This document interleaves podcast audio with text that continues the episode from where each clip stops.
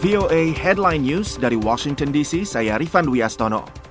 Google sempat menggunakan slogan "Jangan menjadi penjahat" untuk membedakan perusahaannya dengan para pesaing.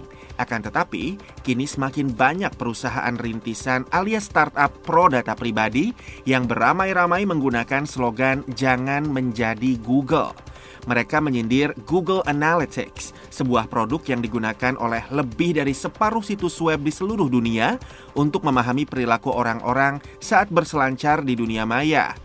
Google membuat banyak perangkat bagus untuk banyak orang, kata Marco Sarik, pria Denmark yang kini bermukim di Belgia yang mendirikan Plausible Analytics di Estonia tahun 2019.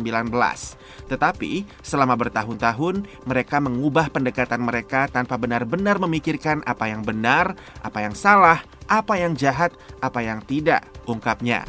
Sarik dan banyak lainnya diuntungkan oleh kebijakan GDPR, regulasi data pribadi Eropa yang diberlakukan mulai tahun 2018 untuk mengontrol siapa yang dapat mengakses data pribadi.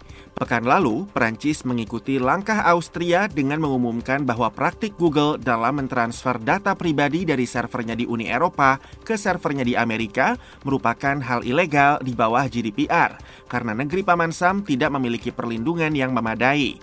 Google tidak setuju. Pihaknya mengatakan bahwa data yang ditransfer sudah dianonimkan. Menteri Luar Negeri Inggris Liz Truss hari Senin mengatakan Rusia dapat melancarkan invasi ke Ukraina hampir dalam waktu dekat dan mendesak warga negara Inggris untuk meninggalkan Ukraina selagi masih ada kesempatan. I've just chaired a Cobra meeting. Uh, we're very clear there could be an imminent Russian invasion of Ukraine. Setelah memimpin rapat Komite Darurat Cobra pemerintah Inggris, Truss mengatakan akan ada sanksi berat terhadap oligarki dan perusahaan-perusahaan Rusia jika Presiden Vladimir Putin memutuskan untuk menyerang Ukraina. Cobra adalah singkatan dari Civil Contingencies Committee yang dibentuk untuk mengatasi masalah darurat atau gangguan besar berskala nasional. Truss meminta Rusia untuk meredakan ketegangan dan memindahkan pasukannya dari perbatasan Ukraina. Ketika ditanya wartawan apakah jalur diplomatik untuk mengatasi krisis itu masih ada, Truss mengatakan pilihan itu ada di tangan Putin. Ajang Piala Oscar bulan depan akan memasukkan kategori penghargaan baru, yaitu kategori film favorit penggemar alias fan favorite. Penghargaan itu akan dianugerahkan kepada film paling populer tahun tersebut yang dipilih oleh pengguna Twitter, kata panitia Oscar pada hari Senin. Langkah itu diambil demi memikat pemirsa untuk menyaksikan malam penganugerahan penghargaan yang jumlahnya semakin turun beberapa tahun terakhir pengumuman yang akan disampaikan saat penyelenggaraan Academy Awards ke-94 yang disiarkan langsung pada 27 Maret mendatang disampaikan setelah beberapa film blockbuster dengan banyak penggemar seperti Spider-Man No Way Home dan No Time to Die gagal meraih nominasi apa pun pada kategori utama termasuk film terbaik. Tidak dinominasikannya film-film itu pada kategori utama menimbulkan kekhawatiran bahwa penggemar film tidak akan menonton acara tersebut.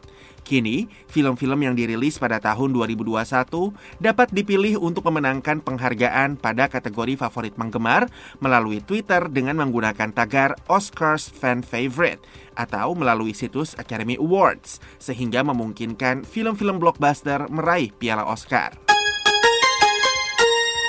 VOA. Kekeringan besar di bagian barat Amerika tahun lalu memburuk sehingga menjadi musim kering paling ekstrim dalam setidaknya 1200 tahun terakhir dan merupakan skenario perubahan iklim terburuk yang menjadi kenyataan.